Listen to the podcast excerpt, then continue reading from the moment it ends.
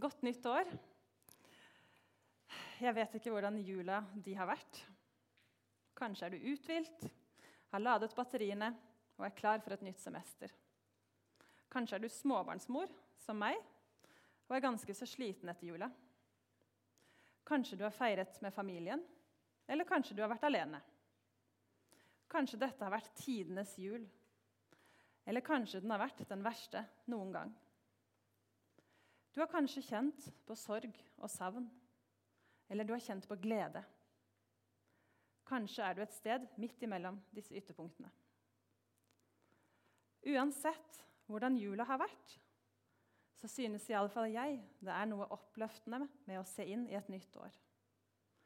Noe av det fine med slike overganger eller innganger til noe nytt er at man får en ekstra mulighet til å stoppe opp, tenke seg om før man går videre. Det føles litt som man får en ny sjanse, en ny start. Kanskje gleder du deg til det nye året, til nye utfordringer, spennende ting som skal skje, koronavaksinen. Kanskje er du litt likegyldig, eller kanskje du gruer deg så mye til det nye året at du ikke vet hvordan du skal komme deg gjennom januar en gang. Kanskje har du mista jobben pga. korona. Kanskje sliter du økonomisk og med selvfølelsen, med sykdom Kanskje er du redd for at deg selv eller noen du kjenner, skal bli syk.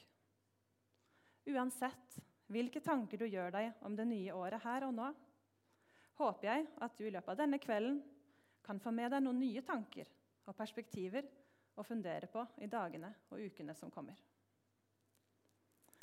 Da jeg fikk spørsmål av Rune 22.12. om jeg kunne tenke meg å tale i dag, sa jeg det må jeg be over. Jeg tar alltid med meg Gud i større avgjørelser i livet og venter med å ta et valg eller gi et svar på ting til jeg har fått en fred inni meg om hva jeg skal gjøre. Jeg hadde fått et forslag av Rune til tema for kvelden. Å søke Gud for det nye året. Og gikk meg en tur i kveldsmørket for å få litt ro til å be. Julaften var bare to dager unna, og jeg gikk og kikket inn i vinduene på alle de pyntede stuene og ba til Gud. Skal jeg svare ja eller nei? Har du noe du vil jeg skal si den kvelden, så vis meg det. Vil jeg få tid, og ikke minst ro, til å forberede meg i løpet av jula med små barn? Det var først da jeg kom hjem og ba sammen med mannen min, Erlend, at tanker rundt hva jeg eventuelt kunne snakke om i en tale, begynte å forme seg i hodet mitt. Jeg kjente iveren inni meg og begynte å skrive ned tankene og ideene på telefonen. Temaet for talen sto plutselig helt klart for meg. Å søke Gud for det nye året er jeg på rett vei. Det var det jeg skulle snakke om. Så da sendte jeg raskt svar til Rune om at ja, dette vil jeg. Og her står jeg. En helt vanlig småbarnsmor på 37 år som skal tale for første gang i sitt liv, og som oppriktig og frimodig tror jeg har noe Gud vil at jeg skal dele med dere. Da jeg begynte å forberede meg til denne kvelden, skrev jeg først et par sider. Det ble mange fine ord og ganske ok innhold, om jeg skal si det selv. Men så begynte jeg å tenke Elise, hva er det egentlig du vil si? Hva er det egentlig du vil formidle? Det er ikke fine ord folk er interessert i. Du trenger ikke late som du har mer teologisk innsikt og bibelkunnskap enn det du faktisk har. Det er mye jeg ikke er ekspert på her i livet. Ja, Det er faktisk ganske så mange ting jeg enten er dårlig på eller usikker på. Men én ting er jeg suverent ekspert på, og det er mitt eget liv sammen med Jesus. Min egen livshistorie sammen med Jesus. Den usminka og ærlige versjonen om Elise og Jesus. Og Når jeg ser sånn på det, så tror jeg at jeg, eller du, kan og bør være like frimodige forkynnere om Jesus som en hvilken som helst prest eller pastor. Beklager, Rune, hvis du hører på. Det er levd liv, ekthet, erfaringer av Gud i livet, som i alle fall berører meg personlig og inspirerer meg til å leve nærmere Jesus i hverdagen. Så det jeg skal dele videre denne kvelden, blir en blanding av eget levd liv, erfaringer av Gud og en del tanker om hvordan vi kan og absolutt bør ta med oss Gud inn i det nye året. Temaet for kvelden er som allerede nevnt å søke Gud for det nye året. Er jeg på rett vei? Hvorfor søke Gud for det nye året? Hva betyr det egentlig å søke? Trenger jeg det? Ønsker jeg egentlig forandring fra det vante trygge og forutsigbare jeg allerede har i livet mitt? Hvorfor søke om Guds ledelse hvis jeg opplever at alt går bra? Trenger jeg egentlig ha det bedre enn jeg allerede har det? Vil det utgjøre en forskjell i livet mitt om jeg spør Gud hva han vil for meg? Er det noen vits å spørre igjen hvis jeg ikke har opplevd at han har svart før? Kan jeg søke Gud selv om jeg har vært lenge borte fra han? Selv om jeg ikke kjenner ham? Kommer han til å svare? Vil han svare noe som er i strid med det jeg egentlig vil? Og hvordan kan jeg vite om jeg allerede er på rett vei? Kan jeg i så fall få en bekreftelse på det? Kanskje jeg allerede lever det livet Gud har planlagt for meg? Hva menes med rett vei? Er det den samme rette veien for deg som for meg? Deg som for meg? Har Gud en spesiell vei eller plan for meg og deg? Noe han ønsker at vi skal utføre mens vi er her på jorda? Hvordan skal jeg i så fall finne ut av hva det er? Og hvordan spør jeg Gud? For å ta et par konkrete eksempler. Hva med deg som har en god jobb, du stiger kanskje i gradene, får kjøpt deg huset og bilen og kanskje hytta du har drømt om, opplever at livet smiler til deg, du får brukt deg selv og har få utfordringer i livet. Hva med deg? Hvordan vet du at du er på rett vei? Betyr det at alt går bra i livet, at man er på rett vei? At du lever det livet Gud egentlig har skapt deg for? Tenk om du bare lever det nest beste livet fordi du har glemt å spørre Gud om hvilke planer han egentlig har for deg. Tenk hva du potensielt går glipp av. Husker du å søke Gud, eller trenger du han egentlig ikke? Sånn i hvert fall ikke i hverdagen. Eller hva med deg, som synes livet er noe skikkelig kjipe greier? Som har dårlig økonomi, sliter med vanskelige relasjoner, har fysiske og psykiske plager, føler deg liten og annerledes, eller har andre utfordringer i livet. Du føler kanskje at du ikke er på riktig vei, men hvordan vet du det? Eller kanskje dette er muligheten din for å gå en ny vei? Jeg vil nesten si gratulerer til deg. Ja, du hørte riktig. Ikke fordi jeg er glad for at du har det vondt og vanskelig, men fordi jeg tror du er i en unik posisjon for å la Gud vise seg i livet ditt, virke i livet ditt om du husker å vende deg mot ham. Det er noe med det at når man har det vanskelig og ikke ser andre utveier, har mennesket det med å vende seg mot Gud. Og Gud er trofast. Han står klar og venter på det. Uavhengig av om du kjente deg igjen i en av beskrivelsene over eller ikke, så er svaret på om du bør søke Gud for det nye året, et soleklart ja. Absolutt alle som ikke vil gå glipp av det beste livet for dem selv, bør søke om Guds ledelse for fremtiden. Uansett hvor godt eller dårlig livet er i utgangspunktet. Hvorfor det? Jo, for det er Gud som har skapt deg akkurat slik han vil ha deg. Med de evner og gaver du har, med dine styrker og svakheter. Slik at du skal passe til de oppgavene eller gavene han har planlagt for akkurat deg. Gud ønsker å si noe, formidle noe, til resten av verden gjennom deg. Bruke deg til helt konkrete oppgaver. Visste du det? Du er helt unik. Gud har planlagt noe for deg som han ikke har gitt til noen andre. Se bare hva det står i Bibelen. I Efeserne 2,10 står det For vi er Hans verk, skapt i Kristus Jesus, til gode gjerninger, som Gud på forhånd har lagt ferdige for at vi skulle vandre i dem. Her står det helt tydelig vi er Guds verk, altså skapt av Gud. Og et verk høres ganske flott ut, i mine ører i alle fall. Et verk laget av en mester er jo et mesterverk. Du er et mesterverk. Vi er skapt for å utrette ting som Gud allerede har planlagt for oss, som passer med hvem han har skapt oss som. Om vi lar han slippe til, eh, gir han lov til å ta styringa i livet vårt. Vi kan be Gud vise oss nøyaktig hva som er hans hensikt med oss, med deg og med meg, her på denne jorda. Vi lever bare en begrenset tid. Hvorfor ikke virkelig ta sats, hoppe i det og spørre Gud? Hva vil du egentlig jeg skal gjøre med min tid her på jorda? Kanskje han viser deg ting du ikke trodde var mulig for deg. Store ting som du aldri i din villeste fantasi kunne se for deg at du kunne brukes til. Du med dine svakheter, begrensninger og utfordringer? Her vil jeg være litt personlig. Det er mye jeg synes er vanskelig i livet. Ja, ganske mye, egentlig. Jeg jobber ikke av ulike grunner.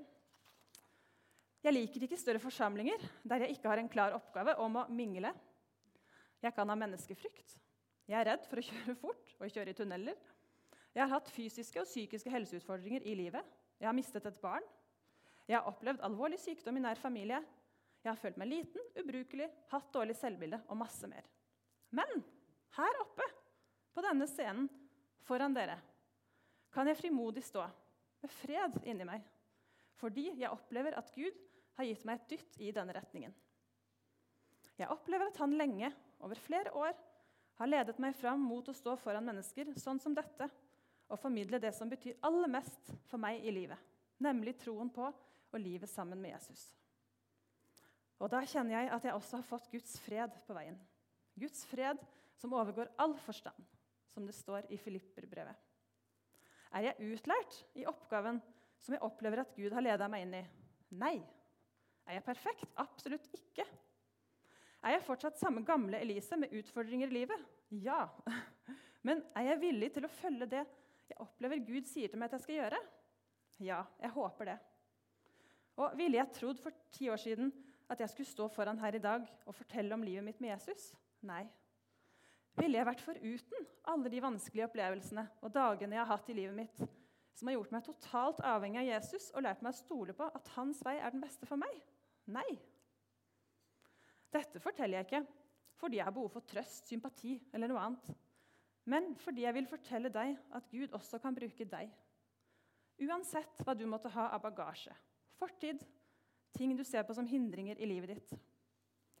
Uansett hva du føler at du måtte mangle av evner, kvalifikasjoner og lignende, så kan Gud utruste deg. Ja, gi deg det du måtte trenge for oppgavene han har planlagt for akkurat deg.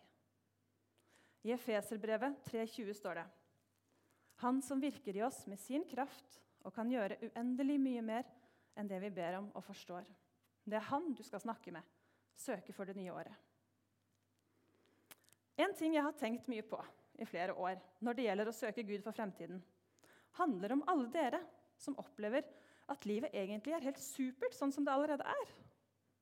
For dere er det jo faktisk en del av, i hvert fall her i Norge. Hvordan skal dere huske på å søke Gud i en allerede fin hverdag? Finne motivasjon til å gjøre det hvis dere opplever at dere egentlig ikke trenger å ha det noe bedre? Det høres kanskje ut som et luksusproblem for de av oss som synes livet er tøft. Men jeg misunner dere faktisk ikke.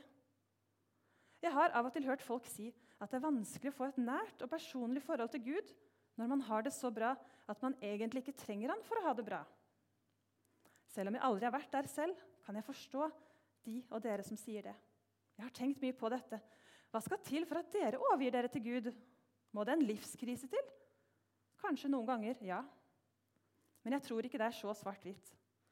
Hva kan man gjøre selv dersom man er i denne kategorien og ønsker et nærere forhold til Gud? Kanskje du må være litt radikal? Kanskje du må våge å stille deg selv i en posisjon der du blir avhengig av Gud? Hva med økonomien din? Gir du av din overflod, slik at du knapt merker det? Eller gir du så mye at du så vidt klarer deg selv om å stole på at Gud hjelper deg? For ca. ti år siden var både mannen min og jeg arbeidsledige og hadde naturlig nok lite penger. Vi bestemte oss for at vi skulle gi tienden av det lille vi hadde, selv om vi da ikke hadde nok til å betale regninger. Vi opplevde gang på gang at Gud hjalp oss, så vi fikk betalt det vi måtte. En gang husker jeg at vi mangla ca. 3500 for å betale husleia. Forfallsdatoen nærma seg, og vi ba og ba om at det måtte ordne seg noe. Og vi var overbevist om at Gud ville hjelpe oss. Samme dag som husleia skulle betales, sto det plutselig nøyaktig 3500 kroner på kontoen min. Det var penger som vi visstnok hadde til gode fra et eller annet året før, som hadde kommet inn akkurat denne dagen. Tilfeldig, vil noen si. Vi kaller det gudfeldig. Vi har i flere perioder siden hatt en usikker økonomi, og det kan være tøft. Jeg husker en gang for ikke lenge siden, der vi bare hadde 100 kroner igjen, og jeg måtte gå på butikken. Jeg måtte prioritere hva vi skulle kjøpe, hva som var viktigst. Melk og brød eller doruller og tannkrem.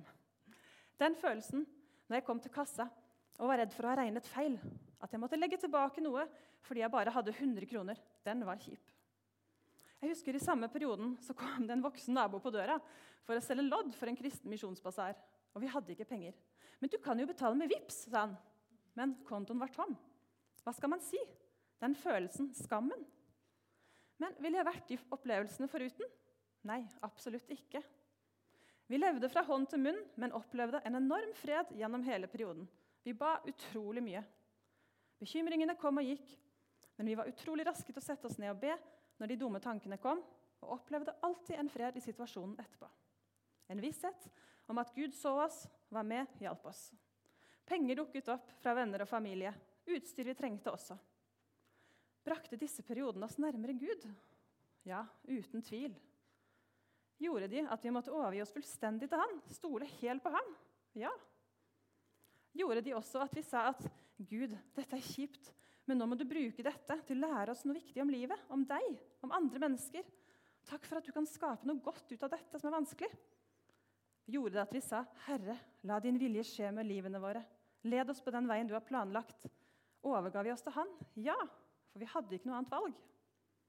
Vi var kanskje heldige fordi vi var ufrivillig satt i en situasjon der vi måtte stole på Gud. Klart, det er mye vanskeligere å frivillig gjøre slik at man får dårlig råd og gi så det merkes. Men jeg lover deg at livet garantert blir rikere på andre, langt viktigere områder om du tør å prøve.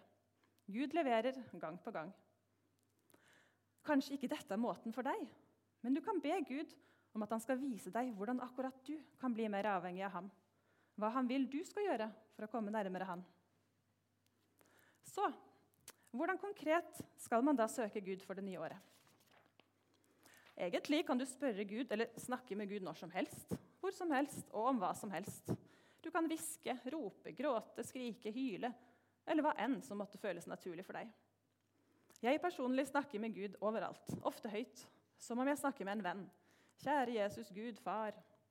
Særlig i bilen, egentlig. Til og fra henting i barnehage og skole. På butikken, i skogen, i byen, hjemme, når jeg lager mat. Men når jeg virkelig trenger å snakke med Gud, fordi jeg skal spørre om konkret råd, ledelse, har det vanskelig, trenger jeg å være et sted det er stille, et rolig sted, et sted det ikke er for mye urolig å se på rundt.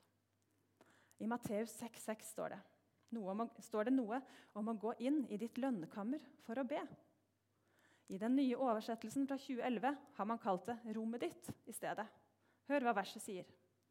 Men når du ber, skal du gå inn i rommet ditt og lukke døra og be til din far som er i det skjulte. Jeg tror det er utrolig viktig. Å finne seg et sted der man kan la tanker og bønner flyte. Der man kan prate høyt med Gud, der man kan være frustrert, kanskje gråte og bare overgi seg til Gud. Og ikke minst der man kan høre Gud. Ha nok stillhet til å lytte til Gud, høre hva han faktisk vil si deg om livet ditt.